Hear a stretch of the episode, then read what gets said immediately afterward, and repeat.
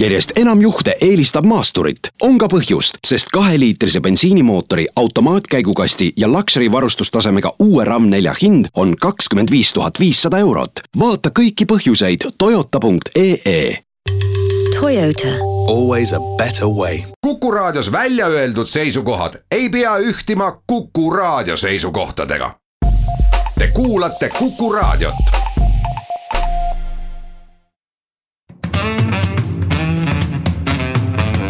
Muuli ja Riikoja. tere päevast, head kuulajad, kell on seitse ja pool minutit üksteist läbi ja et on reedene päev, siis loomulikult ka saate Muuli ja Riikoja aeg. aga et Kalle Muuli keskendub veebruarikuus valimiskampaaniale, siis täna on Kalle Muuli osas Hannes Rumm, mina olen saatejuht Indrek Riikoja tere ka minu poolt. alustame tänast saadet äh, plagiaadi teemaga. nädala keskel sai avalikuks, et Rainer Vakra kahe tuhandendat kahe tuhandendate alguses tehtud äh, ülikooli bakalaureuse lõputööl asub äh, väga tõsine plagiaadisüüdistus. ja võib-olla sissejuhatuseks minu poolt nii palju, et, et tänavu on küll erakordselt igavad riigikogu valimised, et valimiskampaania on selline väga loid ja pole ühte õiget teemat ja võib-olla see selgitabki siis seda hindu ja hoogu, millega ajakirjandus on asunud käsitlema Rainer Vakra plagiaadi teemat, et äh, tegelikult tõesti ka kui järgi mõelda, siis ühtegi suurt teemat, mille üle kõik erakonnad enne valimisi vaidleksid äh, tänavu ei ole äh,. valitudega suheldakse reklaami tehes ja, ja mitte siis nagu sisuliselt äh, debatti pidades, nii et ma arvan, et see on üks üks asi, mis on andnud siis äh, Rainer Vakra teemale sellise tavatu võimenduse. aga räägime veel tänases saates ka keskpanga presidendikandidaadiks. keskpanga nõukogu valis selleks Madis Mülleri, räägime aktsiisitõusudest, Kohtla-Järve riigigümnaasiumi keelevalikust ja ka jäätmeseadusest või õigupoolest selle seaduse vastu võtmat-, vastu võtmata jätmise, nüüd mul läks vist keeleliselt keel sõlme, aga nendest tagajärgedest, mis on juba siis ilmnenud sellele, et seda seadusemuudatust vastu ei võetud Muuli ja Riikoja aga nagu siis öeldud, alustame Sotsiaaldemokraatliku Erakonna liikme, tänase riigikogu keskkonnakomisjoni esimehe Rainer Vakra teemaga. aus vist oleks, Hannes, ennem teemakäsitlust öelda, et sina oled ka Sotsiaaldemokraatliku Erakonna liige, aga mitte vist kuigi aktiivne ja valimistel ka ei kandideeri. jah, olen Sotsiaaldemokraatliku Erakonna liige, aga valimistel tõesti ei kandideeri ja eks ma arvan, see on ka põhjus, miks sa mind täna siia kutsusid. ja muidu saaksid disklahvi nagu teised, teised kandideerivad saatejuhid meie eetris kolmapäevane Eesti Ekspress kirjutas siis Rainer Vakra lõputööst, mis käsitles jäätmekäitlust ja tõi välja nii paberlehes kui ka online väljaandes lehekülgede kaupa väljavõtteid Rainer Vakra lõputööst ja kõrvutas neid siis ka erinevate teiste, teiste töödega ja, ja tuli siis välja, et sisuliselt sõna-sõnalt äh, rida-realt, tähe-tähelt ja kirjaviga kirjavealt oli Rainer Vakra kümnete lehekülgede ulatuses seda, seda, neid teisi allikaid kasutanud ilma neile viitamata. Ja tegelikult, kui vaadata Rainer Vakra väljaütlemisi, väljaütlemisi Eh, pärast seda ta küll väga paljudele meediale, meediaväljaannetele ei ole nii-öelda kätte andnud, ehk ta ei ole tahtnud ilmselgelt ebamugavat teemat kommenteerida. aga ega ta ju otseselt ei eitagi, ta räägib, ta rõhutab väga palju sellest, et kahekümne ühe aastane inimene on noor, kui ta teeb eh, oma bakalaureusetööd, nii nagu tema selle töö tegemise ajal oli. kuidas ta oleks pidanud hoolikamalt viitama, kuidas ta ei oleks pidanud ühis töömaterjalidega nii loominguliselt ümber käima ja nii edasi. aga noh, kõik taandub ikkagi sellele, et akadeemilises mõttes on plagiaat, on plagiaat. kui sa ei viita korrektselt, kui sa sõna-sõnalt kasutad, kui sa ei kasuta tsitaate, siis akadeemilises äh, töös äh, ei ole selline asi aktsepteeritav ja eks selle kõige paremini võtab kokku Rainer Vakra enda erakonnakaaslase ja päris paljudes kohtades tema senise soovitaja Marju Lauristini ütlus, et tema professorina teab, et kui plagiaat on tuvastatud, siis ei ole muud teed, kui, kui, kui välja heita. Rainer Vakra ise ei ole tahtnud seda, seda vastutust äh, võtta ja, ja selles mõttes on just ka nagu lahtine, ka Sotsiaaldemokraatlik Erakond ei ole tahtnud mingisugust seisukohta võtta, viidatakse sellele, et veel ennem valimisi ehk siis järginenud kahe nädala jooksul peaks kogunema Tallinna Ülikooli spetsiaalne komisjon, kes siis peaks oma hinnangu endale andma ja ja, ja olukord on selline, et kui ülikool leiab, et tegemist on plagiaadiga, siis võetakse kraad Rainer Vaklalt ära, ta selle tulemusena jääb hilja jääb äh, ilma ka selle kümnendi alguses omandatud magistrikraadist ehk äh, nii-öelda akadeemilises mõttes ei ole väljavaated kuigi head ja ja eks poliitilise kultuuri mõttes taandub kõik see sellele, et, et millisesse poliitilisse kultuuriruumi me ennast tahame seada, et Skandinaavias, Kesk-Euroopas on reeglina selliste asjade väljatuleku korral vähemasti ajutiselt poliitikute karjäär poliitikas nagu katkeb.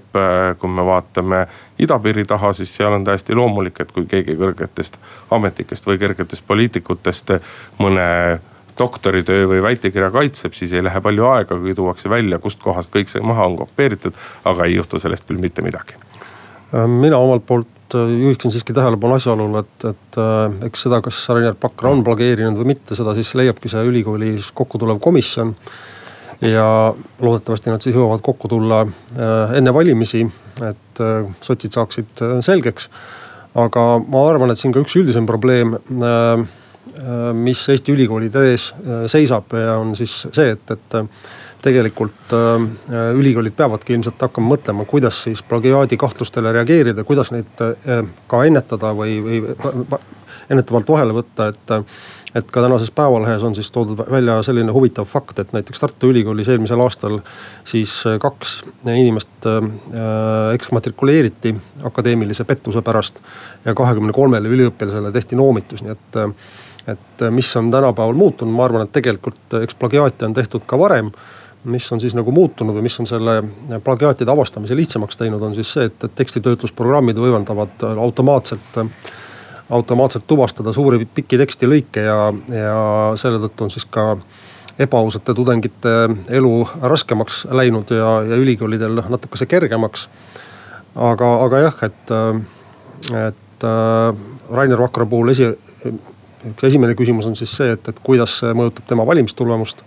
Rainer on olnud äh, traditsiooniliselt ähm, äh, väga tugev äh, kandidaat. tal on oma väga tugev toetus oma valimisringkonnas Nõmmel ja Mustamäel. ja nüüd ongi küsimus siis selles, et, et kuidas see napilt paar nädalat enne valimisi ilmsiks tulnud juhtum tema šansse seal mõjutab no mina julgen teha ennustuse, et äh, valimistulemuses see plagiaadi teema kuidagi nagu ei kajastu, sellepärast et keskmisele valijale jääb see ikkagi nii-öelda nagu väga kaug-, kaugeks, et küsimus ongi nii-öelda nagu selles eetilises mõõtmes, kui me räägime Rainer Vakrast, sest et ega teine pool on ka see, et äh, ühest küljest äh, Rainer Vakra, no me võime täna öelda, et, et suure tõenäosusega tema lõputöö on plagiaat, et. et tema, et, et selle teo pani tema toime, aga, aga ega samavõrd on süüdi ka ülikool, kelle, kes läbi laskis, sellepärast et sellisel lõputööl on juhendajad, on arvustajad, on ülikool. et kogu sellest sõelast see on läbi käinud ja, ja, ja läbi läinud, eks ole. aga poliitilistes ringkondades ja ka sotsides on, sotside erakonnas on ju, on nendel viimastel mõnel päeval noh, on mängitud näiteks ka võimalusega, et, et järsku katsuks lahendada kuidagi sedapidi, et et sellel riigikogu koosseisul on meil üks töönädal ees, et kui Rainer Vakra astuks praegu tagasi, siis saaks ta öelda, et ta on poliitilise vastutuse võtnud ja las nüüd äh, valijad siis annavad hinnangu ja otsustavad, kas ta järgmisesse, järgmisesse koosseisu võiks kuuluda või mitte. Rainer Vakra muidugi ise ei taha nii-öelda seda, sellist tunnistust teha või sellist sammu astuda. ja ega muidugi ka ei ole koalitsioonierakonnad sellega väga rahul, sellepärast et riigikogus koalitsiooni koalitsiooni jõud ja, ja liikmete arv on ju kahanenud nii väikeseks, et, et kui sealt üks inimene veel ära läheb. siis järgmisel nädalal on koalitsiooni jaoks mitu päris olulist eelnõu. osad saadikud ei saa ju isegi osadele valimisdebattidele järgmisel nädalal tulla, sest et peab kolmapäeval kindlasti riigikogus olema ja kindlasti hääletama, et koalitsioonil viiskümmend üks häält koos oleks. ehk ta läheb sellisesse noh et igatpidi on ta selline valimiseelse võitluse asi, sest et selge see, et, et välja on, see ei ole ette, etteheide ajakirjandusele, ajakirjanduse roll sellises olukorras, tal ei ole muud väljapääsu, et kui talle selline info laekub, siis ta peab seda kajastama, ta peab seda nagu menetlema. aga noh, ilmselgelt nii-öelda on see, et, et need andmed on nüüd lekitatud ajakirjandusse, loomulikult on sellel valimiskampaania ja poliitilise võitluse mekk manne jah, ma usun ka, et, et siin kindlasti oli keegi jutumärkides sõber, kes siis äh, kes siis sellest faktist teadis ja, ja selle ka väga osavalt või kahjurõõmsalt ajastas aga ma olen selles mõttes, mingis mõttes ma olen sinuga nõus, Indrek, mingis mõttes mitte, et äh, ma olen selles mõttes nõus, et äh, tõenäoliselt kui inimeste käest küsida, et teha selline ava, esinduslik avaliku arvamuse küsimus ja küsida, et kuidas te siis ühe või teise väärsammu suhtes suhtute, et siis tõenäoliselt. Äh, mõistetakse hukka. näiteks altkäemaksu võtmisesse või andmisesse mõistetakse palju hukkamõistvamalt kui plageerimisse, sest et väga paljud inimesed ei saagi aru, mis, mis see sõna tähendab või ei ole ise kunagi pidanud midagi sellist kirjutama, mida, mille puhul oleks olnud siis ebaausalt teel võinud plagiaati kasutada. küll aga, aga kui sa ütlesid, et, et valimistulemus ei mõjuta, siis ma siiski kahtlustan, et erinevatel erakondadel on ka erinevate hoiakutega valijad ja ja ma eeldan, et või varasemad kogemused on näidanud, et sotsiaaldemokraatide valijad on tundlikumad Äh, igasuguste rikkumiste suhtes kui näiteks äh, Keskerakonna valijad, et äh, läbi aastate Keskerakonna valijad ei ole lasknud ennast heidutada sellest, et ikka jälle on erakonna, erakonda tabanud mõni altkäemaksu skandaal või, või mõni muu sobimatu tegu on siis tehtud mõne Keskerakonna juhtiva poliitiku poolelt. Et selle koha pealt sotsiaaldemokraatide valijad, ma siiski eeldan, on tundlikumad, aga eks me siis valimispäeval saame selguse Muuli ja Riikoja. ja järgmisena võtame jutuks siis Eesti Panga uue presidendi, Madis Müller küll päris, päris kindlalt selles ametis veel ei ole, aga jäänud on sisuliselt ainult formaalsused. Eesti Panga nõukogu on ta siis kolme kandidaadi seast sel nädala, selle nädala teisipäeval välja valinud. ja kuuldavasti oli see valik väga pingeline, et Eesti Panga nõukogus on kaheksa liiget ja väidetavalt siis kulus koguni kolm, neli valimisvooru, et, et äh, Madis Müller äh, saaks piisava toetuse, mis näitab, et äh, hääled jagunesid erinevate kandidaatide vahel küllalt võrdselt ja kui vaadata ka teisi kandidaate, siis tegelikult see valik oli selles mõttes turvaline, et minu meelest olid kõik tuntud, lugupeetud ja, ja sellised inimesed, kelle peale võiks, võib kindel olla jah, kui siis meenutada, siis Robert Kitt ja Märten Ross, mõlemad rahandusvaldkonnas väga tuntud inimesed, olid lisaks, lisaks Madis Müllerile nii-öelda kaalukausil. vormiliselt käib see nüüd nii, et kui Eesti Panga nõukogu Madis Mülleri välja valis, siis järgneb circa kolm kuud kestev kaitsepolitsei taustakontroll ja kui sellega kõik peaks olema korras, meil ei ole keskpanga presidendivalimise ajaloost teada, et oleks niimoodi oleks sealt nii-öelda tagasi lükatud inimesi. et siis keskpanga nõukogu esitab selle Madis Mülleri kandidatuuri presidendile, kes peab kinnitama ja praegu ei ole küll teada, et Madis Mülleril poliitilistes ringkondades võiks mingisugust vastuseisu olla ja suure tõenäosusega ka president tema ametisse kinnitab ja, ja kui küsida inimeste käest, kes, kes rahandusvaldkonda ja, ja Eesti Panka nagu ka hästi tunnevad, siis ühest küljest öeldakse, et Madis Müller on, on kahtlemata turvaline valik, ta teab väga täpselt, millega keskpank tegeleb. et, et oma töös saab ta kindlasti väga hästi hakkama.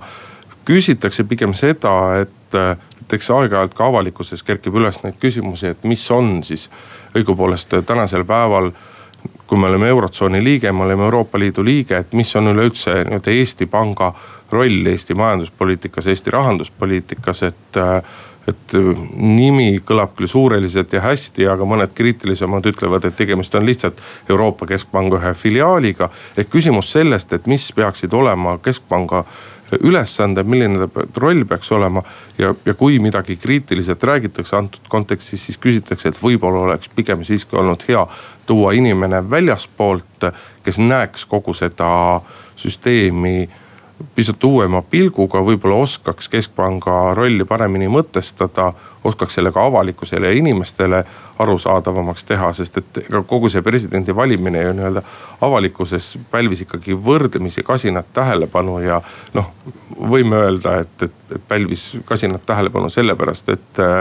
et, et inimesi ei huvita või et see pole oluline, aga eks eelkõige ikkagi sellepärast, et inimesed ei saa päris täpselt aru, et, et tegemist on küll ühe tähtsa mehega, aga miks ta nii tähtis on, no vot pagan seda päris täpselt teab. tohib Indrek, ma küsin su käest ühe kiusliku küsimuse, et. et kui vaadata, mis on Eesti Panga ülesanded, siis seal on kirjas näiteks teiste hulgas sularaharingluse korraldamine. pankade üle järelevalve teostamine, et pangandussüsteem oleks ustav. aga milline ülesanne on esikohal ja just lähtuvalt sellest, et Eesti kuulub euroalasse et ma ei taha nüüd seda pausi pikemaks venitada, selle Eesti Panga üks põhi, esi, esimene põhiülesanne siis on hinnastabiilsuse hoidmine euroalal, et äh, siis koos oma sõsarpankadega hoitakse euroalal stabiilsust, aga ma ei oleks Eesti Panga suhtes kuidagi selline üleolev või, või ei seaks äh, panga funktsioone kahtluse alla. ei, seda ma kindlasti ei tahtnud olla. Äh, jah, et äh,, et äh,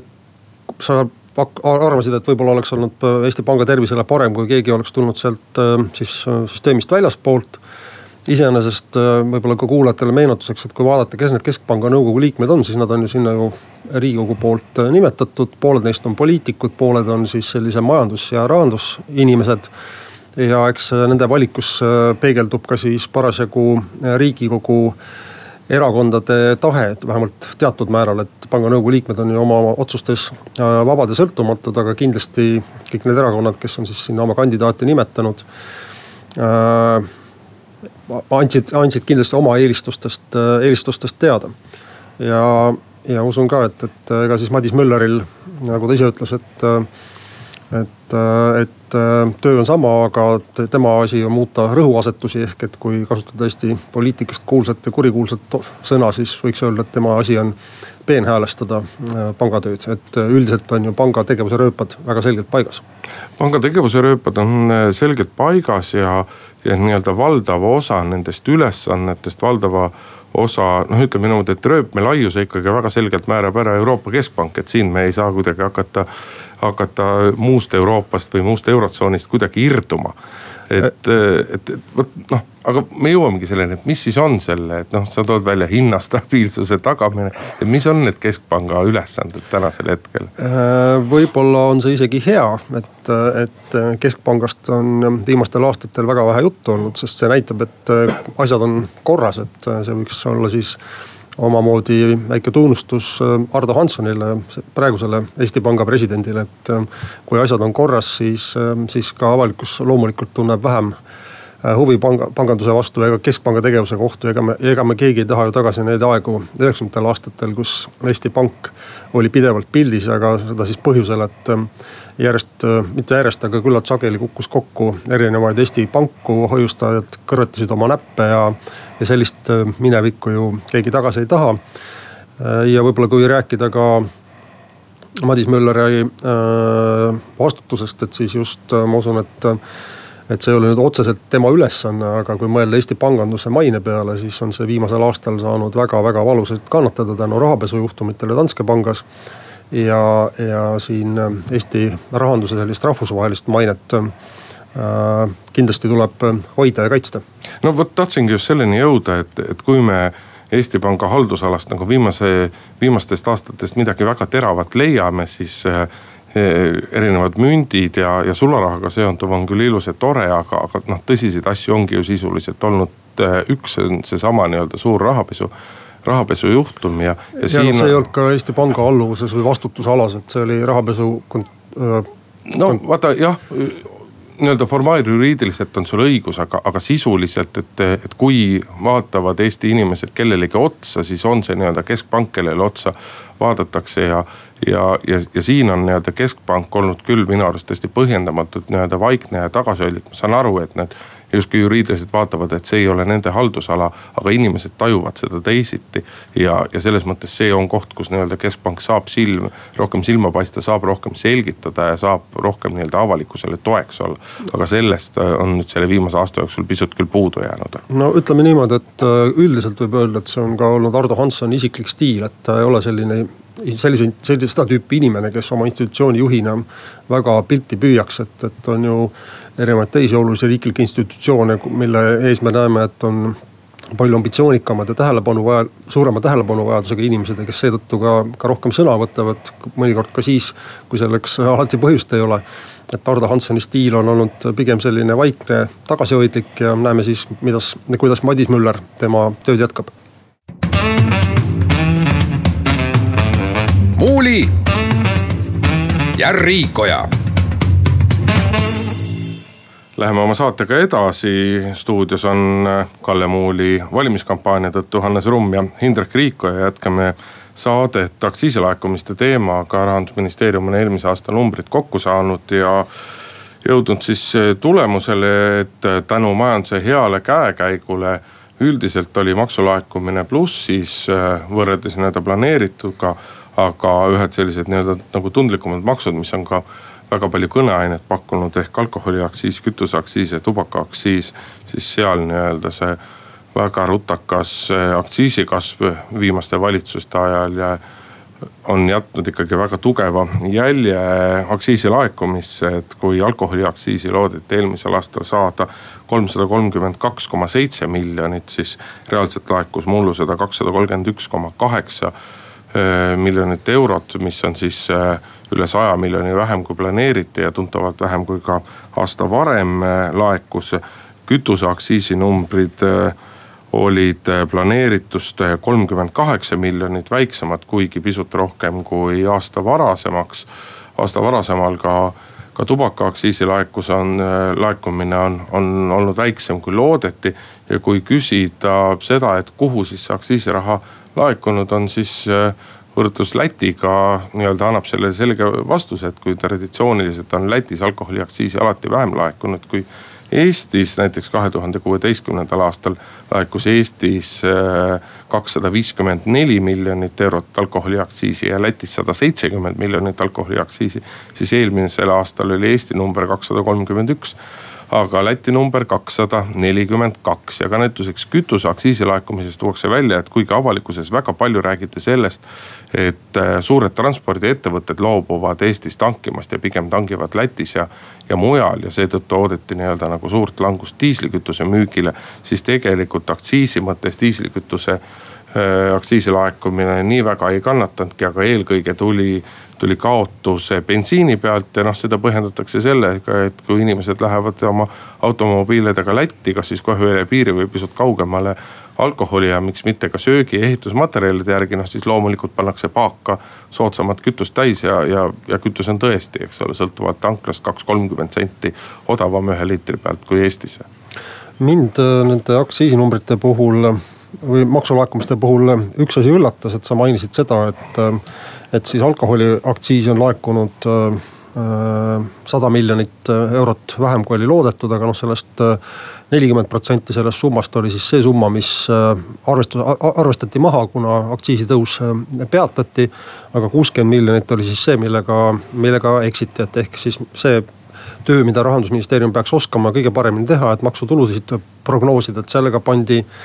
pandi kõvasti mööda. ma ühe... ma korra toon, lihtsalt selgitan selle detaili, et see nelikümmend miljonit, mis sa välja tõid. et selle arvestus oli see, et kuna aktsiisi, aktsiis tõuseb ka näituseks selle aasta alguses, siis eelmise aasta detsembris, poolest novembrist justkui oleks alkoholi varumine pidanud oluliselt kasvama mm. -hmm. ehk see on tegelikult omakorda seotud nii-öelda järgmiste aktsiisitõusudega. jah, aga üks huvitav number, mis mind üllatas, oli see, et, et äh, päris palju pandi mööda siis ka füüsilise isiku tulumaksu äh, tasumisega, et,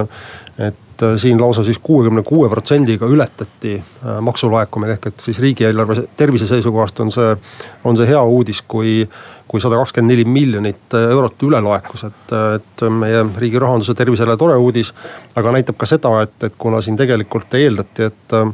et kuna see uus maksuvabastuse süsteem on selline keeruline ja, ja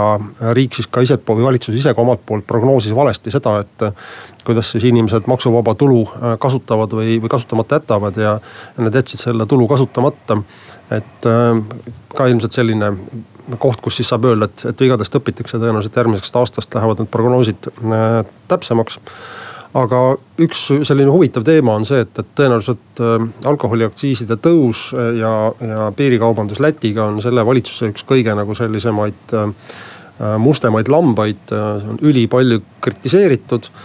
aga kui ma nüüd enne saadet, äh, Hindrek, hakkasin järgi mõtlema, et kas mõni erakond on väga selgelt äh, lubanud, et kui nemad võimule saavad, et siis, äh, siis nad hakkavad alkoholiaktsiisi langetama. ja ma jäingi nagu natukese mõtlema, et, et eks selgelt kõik erakonnad, kes ka päriselt tahavad järgmisesse valitsusse kuuluda, arvestavad sellega, et kui hakatakse pärast märtsivalimisi järgmist koalitsioonilepingut kokku panema siis tahetakse sealt lubada ja jagada raha erinevatele huvirühmadele aga kui sa alkoholiaktsiisi kallale lähed, siis, siis on su võimalused kohe tunduvalt väiksemad, nii et ma ei ole kindel, kas valimised siin toovad muutuse sellesse sellesse valdkonda või mitte. vahepeal tuli arvutusi, viskas üks pressiteade ette, mille pealkiri oli, et varsti on Lätist mõistlikum ka laenu võtta, ma rohkem ei hakka, aga see haakub sellega. eks see alkoholiaktsiisi teema on tegelikult ju selline, et, et kui me kuulame, mida räägitakse retoorikas, siis tegelikult päris mitme erakonna puhul jääb see mulje justkui nii-öelda nagu tahetakse aktsiisi langetada. ja ka majandusminister Kadri Simson ju sellel nädalal ütles välja, justkui see valitsus oleks aktsiise langetanud, mis ei nii-öelda faktiliselt ei ole täpne, et on pidurdatud selle kasvu. aga aktsiiside langetamine tänasel hetkel oleks muidugi selles mõttes rumalus, et eh, noh, nagu tarbima käit-, tarbijakäitumise uurijad on, on ju leidnud, siis ega nii-öelda rada Läti piiri taha ja mitte ainult alkoholi, vaid tegelikult ka toitu, ehitusmaterjali ja veel palju teisi kaupu ostma. see rada on juba nii-öelda sisse tallatud ja see rada rohtub ainult juhul, kui Lätis hinnad nagu arvestatavalt kasvavad. et sellest, et meil natukene aktsiise langetada, sellest nii-öelda piirikaubanduse vastu väga suurt abi ei ole. samas meil on ju ka ette teada, et siiski ka Lätis on on planeeritud lähiaastateks alkoholiaktsiisi täiendavalt nagu tõsta. muidugi nendes hindades on, nendes hindades on,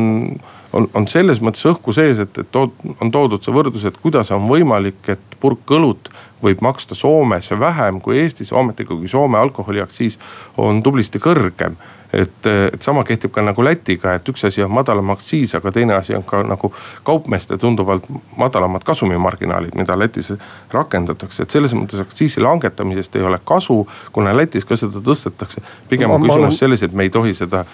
me ei tohi seda nii suure hooga tõsta, kui me tahame, et osa sellest piirikaubandusest nagu tagasi tuleks jah, et eks Eestis on rohkem tähelepanu äratanud need hirmuäratavalt suured äh, poed, mis kohe Läti piiridega ootavad, aga mulle tundub, et Eesti majanduse jaoks tõsisem probleem ei ole mitte see, mis juhtub Läti piiril, vaid see, äh, mis juhtub Soome suunal ja siin on ka nüüd äh, ei ole spetsialist, ei oska öelda, kas alkoholiaktsiis on siin üks põhjus, miks on järsult vähenenud äh, Eestit külastavate soomlaste arv. ja, ja võib-olla oletan siis, et võib-olla siin üks põhjus on see, et Eestist ei tasu enam nii palju alkoholi kaasa viia. ja kui see nii peaks olema, siis see on küll üks tõsine mõttekoht, sest et, et siin ei ole tegemist nüüd kindlasti ainult mitte alkoholimüüjate kasumiga või, või nende äri edukusega aga kui kümmekond, kümmekond protsenti soom-, soomlasi külastab Eestit vähem, siis see tähendab ikkagi tõsist põntsu mitte, mitte ainult Eesti kaubandusele, vaid ka näiteks äh, hotelliärile ja, ja üldse vaba aja veetmise võimalustele Tallinnas, sest et äh, me võib-olla ei ole seda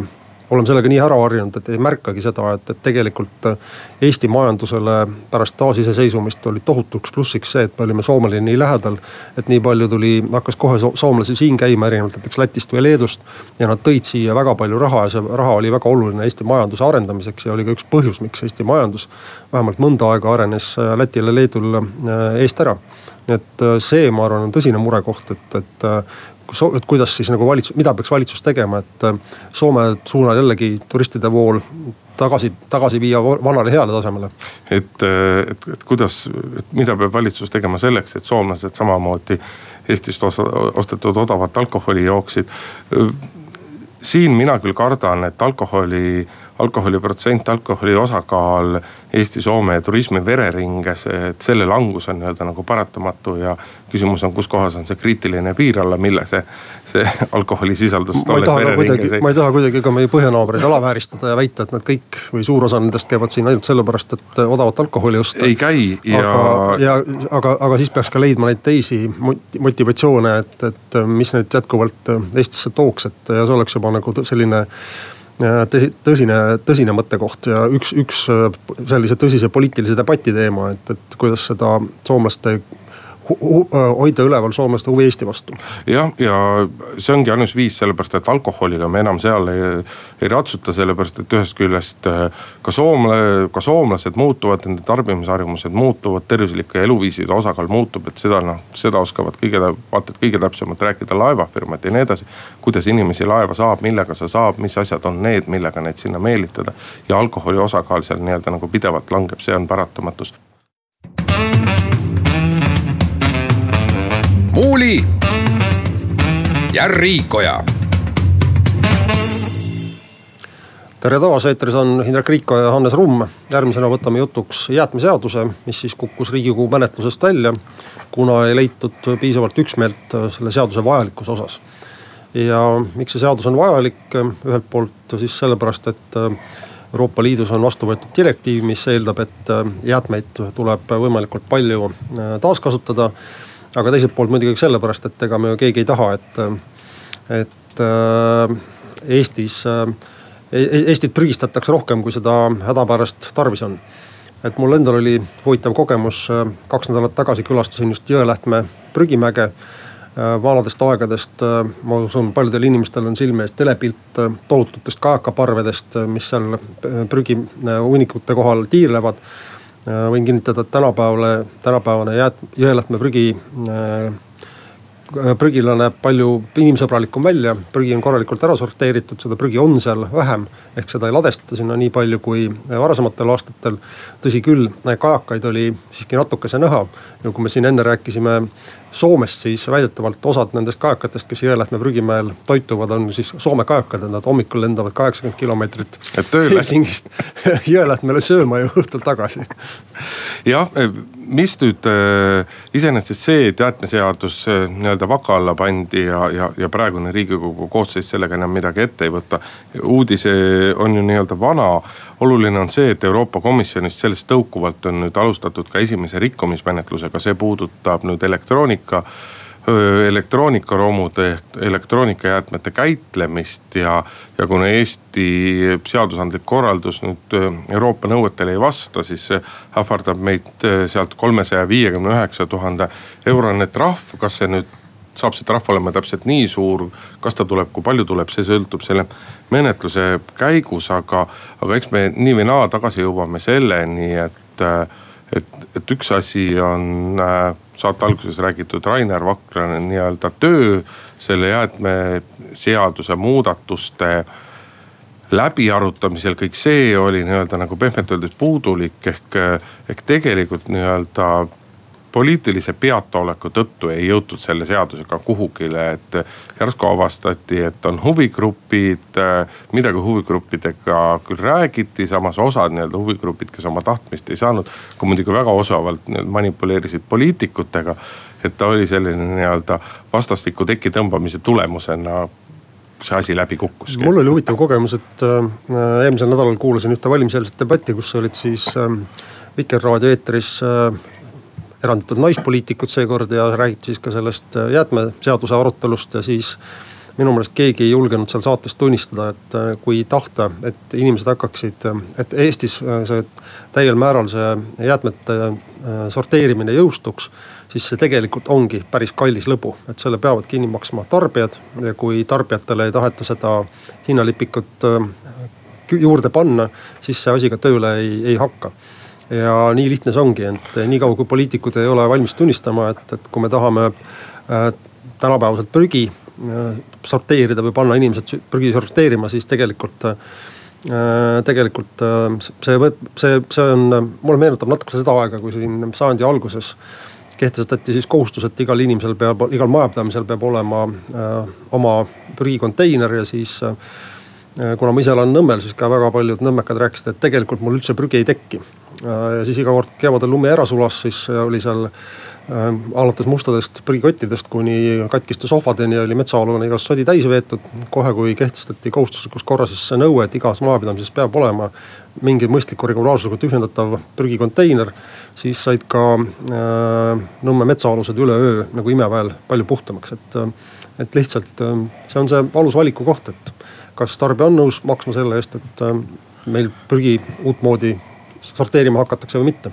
ma ei ole sinuga selles mõttes päris nõus, et see ei lähe, see prügi sorteerimine ei lähe tingimata tarbijale kallimaks, sellepärast et noh, kui me võtame Skandinaavia näited, näiteks Rootsi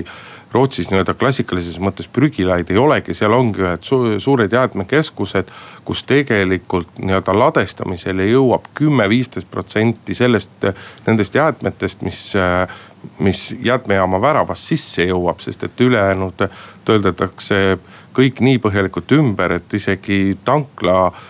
tankla heitvetest, kus on siis maha tilkunud kütus, õlid, autopesule jäägid ja, ja isegi see vesi suudetakse niimoodi ära puhastada, et oma kvaliteedilt vastab joogivee nõuetele. et äh, mida jah, tuleb nii-öelda inimesele teha, on see, et tavaline jäätmekonteineri tühjendus, see tuleb tunduvalt kallimaks muuta, et inimesel tekiks motivatsioon ka ise sorteerida, sellepärast et juba tänasel hetkel palju paljusid liigiti kogutud jäätmeid on ju valmis äh, prügiveofirmad sisuliselt tasuta ära viima, sellepärast et see on nende jaoks tooraine ja nad saavad selle nagu maha müüa. aga jah, nii-öelda seda jäätmete äraandmise hinda tuleb oluliselt tõsta. tänasel hetkel vot äh, see nii-öelda korraldatud jäätmevedu on küll üks selline näide, kus me saame rääkida, et kümne-viieteist aastaga on mitmel pool nii-öelda teenus läinud odavamaks. jäätmete äravedu on läinud odavamaks tänu konkurssidele, tänu reguleeritud jäätmeveole. et see peaks ikkagi oluliselt kallimaks muutuma, sest et kui sa täna noh, oleme ausad, et üle kümne euro sisuliselt nii-öelda jäätme, jäätmete äraveo kuutasu vaata, et mitte kuskile ei küünigi, elad sa siis eramajas või, või elad sa nagu korteris, et, et tegemist on nii-öelda nagu väga odava teenusega. ja ka ise sinnasama Jõelähtme prügilale prügi viia ei ole sugugi mitte kallis ettevõtmine. no üks ometi küsimus on see, et, et suhtlesin siin ka hiljuti ühe suure Eesti jäätmekäitlusettevõtte juhiga ja tema, tema küsis ka seda, et, et kui nüüd eurodirektiiv nõuab seda, et prügi tuleb sorteerida ja teda ei tohi põletada. ehk et praegu põletatakse enamus Eesti prügist ära ja sellest tehakse sooja ja, ja selles mõttes see prügi kasutatakse äh, efektiivselt ära. et võib-olla Eesti kliimas äh, ongi ka prügi põletamine piisavalt efektiivne jäätmete kasutamine Äh, aga, äh, aga see on tagantjärele tarkus, et äh, ajal, kui seda eurodirektiivi arutati, siis, siis Eesti seda teemat ei tõstatanud ja muidugi sa mainisid siin ka tänuväärselt Rootsit, et ma usun, et kui Rootsis on väga üksikasjalik, väga põhjalik prügi sorteerimissüsteem, siis, siis et ja neil on ju sama kliima, mis meil, nii et, et, et see võib-olla ei ole nii põhjendatud küsimus. muuli ja Riikoja räägime saate lõpuks kiiresti ka Kohtla-Järve riigigümnaasiumi õppekeele küsimusest. vaidlus selle üle, kas äh, esimesest septembrist sellel aastal peaks õppekeeleks Kohtla-Järvel olema eesti keel või siis segamini eesti ja vene keel on olnud päris pikk ja sellel nädalal siis teatas haridusministeerium, et otsus on selline, et kes vähegi suudavad, need jätka, need õpivad esimesest septembrist Kohtla-Järve riigigümnaasiumis sajaprotsendiliselt eesti keeles, aga kes sellega hakkama ei saa, siis ikkagi samas koolis jääb osades klassides kehtima ka süsteem kuuskümmend, nelikümmend ehk siis gümnaasiumi osas kuuskümmend protsenti ainetest eesti keeles, nelikümmend protsenti vene keeles ja eks sellesse võib nii ja naa suhtuda. Kalle Muuli siin ühes saates ütles, et tegemist on hullema venestamisega, kui nõukogude ajal tehtigi. samas ega nii-öelda objektiivselt vaadates väga palju paremaid lahendusi ikkagi Kohtla-Järvel ei ole, et kui me vaatame sealset õpilaste arvu ja kõike seda, et, et et see otsus saab olla ainult poliitiline, poliitiline otsus saab olla selline, nagu see praegu langetati. ja poliitiline, aga väga kallis otsus saab olla ka see, et, et kui me, kui seal üks kool jäetakse sajaprotsendiliselt eestikeelseks ja, ja ja tekib kõrvale siis veel mingisugune kool, kus siis osaliselt õpetatakse ka vene keelest, sest et noh, lapsi ei ole palju ja see on lihtsalt majanduslikult väga kallis. Ja, aga eks äh, kõik saame aru, et pinged seal Kohtla-Järvel on seotud eelkõige sellega, et siis eri rahvustest lapsed pannakse ühte kooli kokku ja oma väga paljuski siis äh, vanemaealised inimesed oma mineviku kogemustest äh, näevad siis, tajuvad seda ohtu, et seal võiksid tekkida tõelised, tõsised konfliktid ja, ja selline õpilaste vaheline tüli. noh, eks elu näitab, kas see nii läheb, et äh, ei, ei pruugi alati olla nii, et see, mis äh, see, kuidas elu toimis meie, meie, meie kooli ajal, et, et see nüüd täpselt sama käitumismuster äh, kordub ka, ka nüüd tahaks küll kangesti loota, et kuna Haridus- ja Teadusministeerium on sellest probleemist ikkagi väga teravalt teadlik, teadlikud, et siis nad ikkagi võtavad väga selgelt veel mingeid omaette meetmeid ette just nimelt selleks, et neid pingeid ei tekiks ja sellelt pinnalt konflikte ei tuleks. meie tänase saate aeg on otsa saanud, stuudios oli Hannes Rumm ja Hendrik Riikoja. kuuleme jälle järgmine nädal. muuli ja Riikoja